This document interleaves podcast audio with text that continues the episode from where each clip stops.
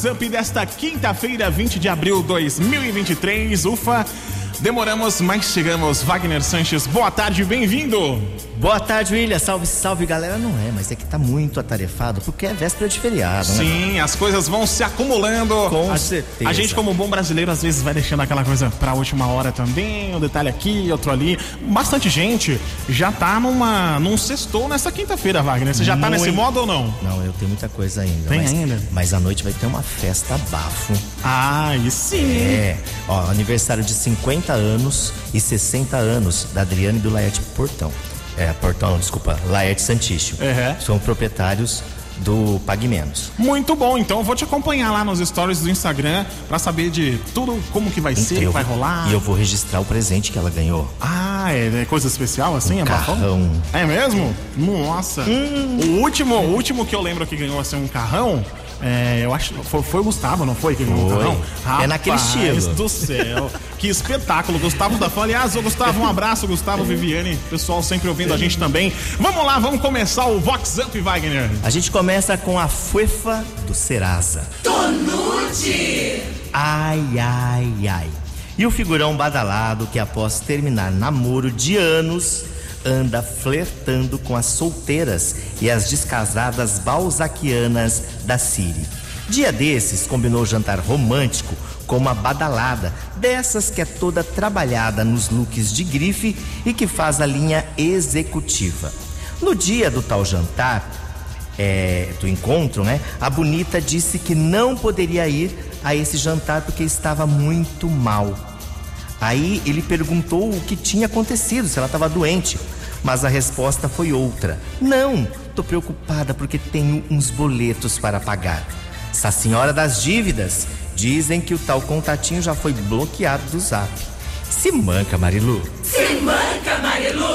Vox Up. Vox 90.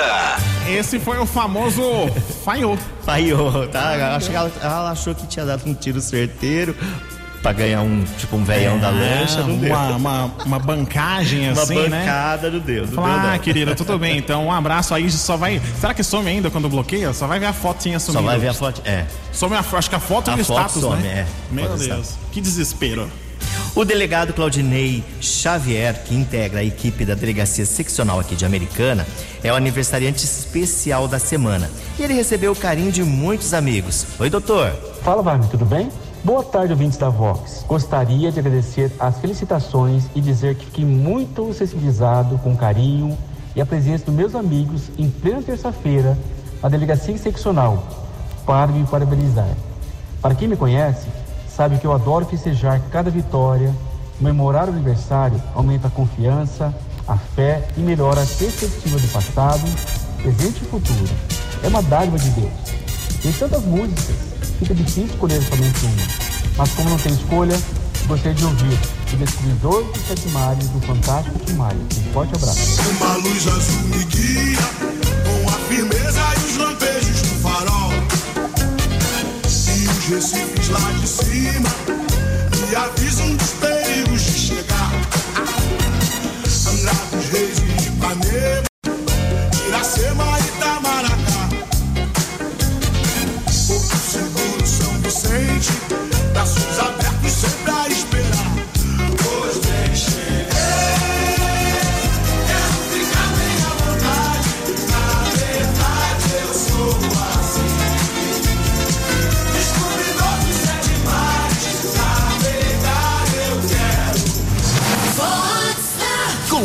Wagner Sanches. Agora nós vamos de Senceroula. Ai, ai, ai. E naquele condomínio pop da Siri que a mensagem do síndico no grupo do Zap causou até bolsa de apostas. Tudo por conta de uma cueca esquecida nas escadarias de um dos blocos. Os mais atentos juram que horas antes a casada Boazuda subiu as escadarias para manter a forma. O vizinho do segundo atrás também subiu, né? Do segundo andar também subiu atrás. Me amarrota que eu tô passado. Vox Up. É, Wagner, eu vi, acho que essa na, na sua rede social, É, inclusive, né? Deu o maior tititi. A, a- inclusive a, a, a roupa íntima era daquela loja famosa, Da que loja tá sempre. famosa, tá ela- junto com a gente aqui também. Ah, é? Fe- É. Fez até um merchan. Então, eu, como que. Eu já vi o pessoal esquecer assim, ó. Já vi calçado, já vi de tudo, mas assim, roupa íntima é a primeira vez, né? Então, aí você sabe que o que foi legal, que muita gente aproveitou e colocou na sua profissão lá nos comentários. Teve um que falou assim que às vezes podia ter sido uma mudança e não havia contratado a pessoa que faz a mudança corretamente e caiu a peça. Olha, é uma boa desculpa. A outra pegou e falou assim que foi a passadeira que foi contratada e que não carregou exatamente caiu. Então, ó, Eu já tenho outra opinião. Eu acho que. eu acho que já foi a outra coisa. É, não esperaram nem chegar, viu, Wagner? É, foi aquilo lá. A camisa oficial do Rio Branco Esporte Clube para a temporada 2023 acaba de ser apresentada.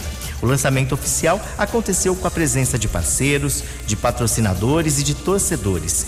E o Gilson Bonaldo, que é o presidente do Tigre, falou com o Vox Up. Oi, Wagner. Oi, amigo da Vox. É, com muita satisfação que vamos falar aqui do Rio Branco. É, obrigado pela oportunidade. Rio Branco, fim de preparação para o Campeonato Paulista. Vai começar agora, sábado, dia 22. Uma estreia contra o Paulista de Jundiaí, aqui no estádio Décio Witt Americana. Preparativos à tona. Estamos todos já preparados, treinamentos há dois anos, equipe já formada. É, expectativa muito grande de fazer uma boa estreia, de fazer um bom campeonato. Estamos treinando arduamente já há um tempo. É, fora de campo, o Rio Branco é uma empresa 24 horas, né? Com 30 atletas alojados, com restaurante. É, então, é uma coisa que é difícil se controlar, mas é satisfatória pelo que traz a cidade, né? Movimenta tudo. Espero o torcedor no sábado no Décio Vita para apoiar o clube. Nós precisamos do apoio do torcedor. E a nossa figura número um, né? Tudo isso é feito por torcedor, pela paixão por futebol. Fizemos o lançamento da, da camisa. É, os, agradecer aos nossos patrocinadores que nos apoiam sempre, que confiam no nosso trabalho, do resgate da imagem do clube. Agradecer a todos que estão torcendo pela gente. É, agora é com eles no campo, né? E vamos embora, Tigre. Conto com a presença de todos. Obrigado pela oportunidade mais uma vez. Wagner, nesse momento de agradecimento, é, uma música, por favor, um violeiro toca, Almir Sater. Um abraço a todos. Quando uma estrela cai no escurão da noite e um violeiro toca suas mágoas, então os olhos dos bichos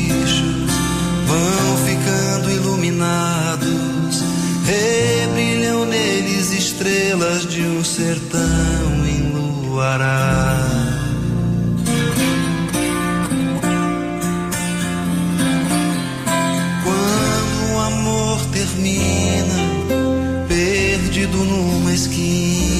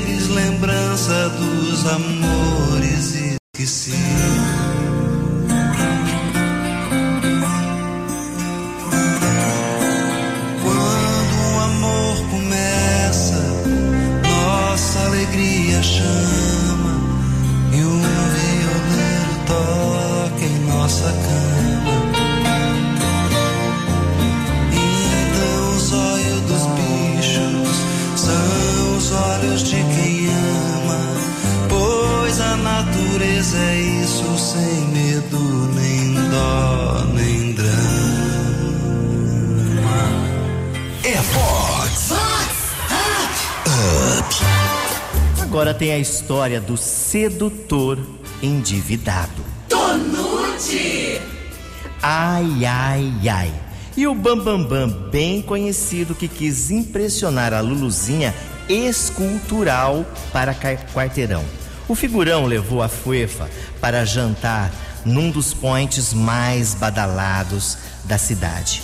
Mesa charmosa, os melhores pratos do menu e um vinho perfeito. A conta ficou homérica e o investimento nem valeu a pena. Ao final do encontro, a Fina já foi avisando: o jantar foi ótimo, mas nem vai rolar mais nada do que isso. A Marilu foi embora e o figurão chorando com a conta. Tô Barbie correndo pra caixa. Acorda, Damastor. Vox Up.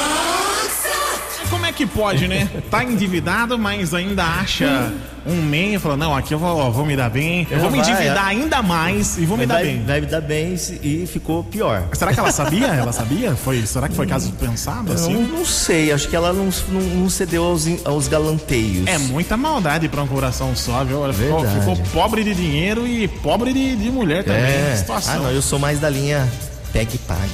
É mais rápido. É, porque aí pelo menos trabalho. você tem certeza do retorno do seu É, investimento, se é que você me é. entende. Pronto. Agora tem a história da estressada da raquete. Ai, ai, ai. E a Lulu, empresária badalada que anda no maior estresse por conta do hobby do noivo. O boy não sai da quadra. Ora é jogando tênis, ora beat tênis ou assistindo campeonatos. Inconformada com a falta de tempo e atenção do fuefo, a Lulu entrou em campo com raquetada no lombo e botou ordem na relação. Agora, hobby só às vezes, mas está liberado para se esbaldar na área de lazer particular, se é que você me entende. Arrasou, Marilu. Vox Up. Vox 90. Ó, não vou comprometer, só sim ou não. É da Vox 90 ou não? Ah, ai, eu nego. então tá bom. Então tá bom. Já entendi, vai. Eu nego. Já entendi. A empresária Andréa Cavicchioli, leia-se Supermercado São Vicente, é aniversariante da semana e ficou bastante emocionada com uma surpresa no seu AP. Todo mundo, familiares e amigos, chegaram ao mesmo tempo com bolo, balões e animação. Como ficou esse coração, Andréa? Bom, primeiro foi um susto, né? Não imaginava isso, mas eu só posso agradecer a esse pessoal maravilhoso que veio aqui me parabenizar hoje e dizer assim que eu tô muito feliz. Scrolling through your brand new don't care about your stories and that trip you took to Paris. No, no, I don't wanna know. I wish I never said I love you like that. I wish I hadn't given all of me. I wish I never seen you hold her like that. Just wanna let you go. You need to know want my heart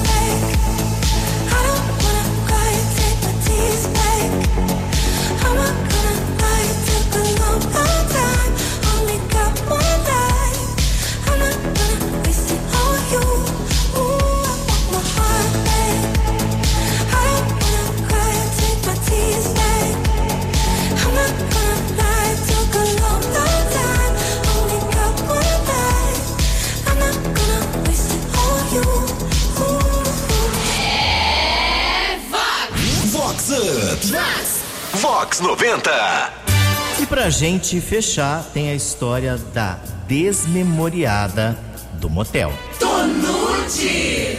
Ai, ai, ai. E a Lulu Badalada que deu um perdido no quase noivo para conhecer outras, digamos, pegadas. A bonita se encantou pelo boy rústico e, para não levantar suspeitas, correu para o motel Treme Treme, na região da Praia Azul. Um picote perfeito não fosse por um detalhe. A Marilu esqueceu o documento no matadouro do amor. Desesperada para não ser descoberta, até pediu que um amigo a socorresse e buscasse a identidade.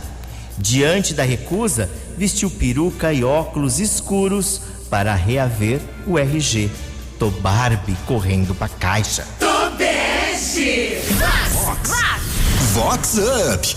Vox 90. É raro, mas acontece sempre, né? Sempre, Não dá pra ou não, esquecer o documento. não, não, é. Eu acho que o pessoal não entrega, né? Se não for, o, não for o- a própria pessoa, A né? pessoa dona do pra RG pegar. Isso, isso mesmo. O pessoal confere fotinha, tudo. Ah, É isso aí. situação, Hein? Bom, e com essa a gente chega ao final. Um ótimo feriado a todos, porque na próxima quinta tem muito mais, né, William? É isso aí, ao meio-dia e 20 aqui na programação Vox 90 e daqui a pouquinho este e todos os outros programas disponíveis lá no site vox90.com. Tem a aba podcasts. Você vai lá no Vox Up e compartilha com todo mundo aqui todos os tititis e ais, ais, ais de Wagner Sanches na Vox 90. Wagner, sempre um prazer, um abraço, boa quinta, bom feriado. Bom feriado pra todo mundo. Ótimo estar aqui com você, William. Tchau, tchau, gente. A gente vai ficando com ele. Rick Balada, todo mundo up. Se balada tá up, Wagner Sanches tá up, Vox 90 tá up, up, up, com você. up, up, up.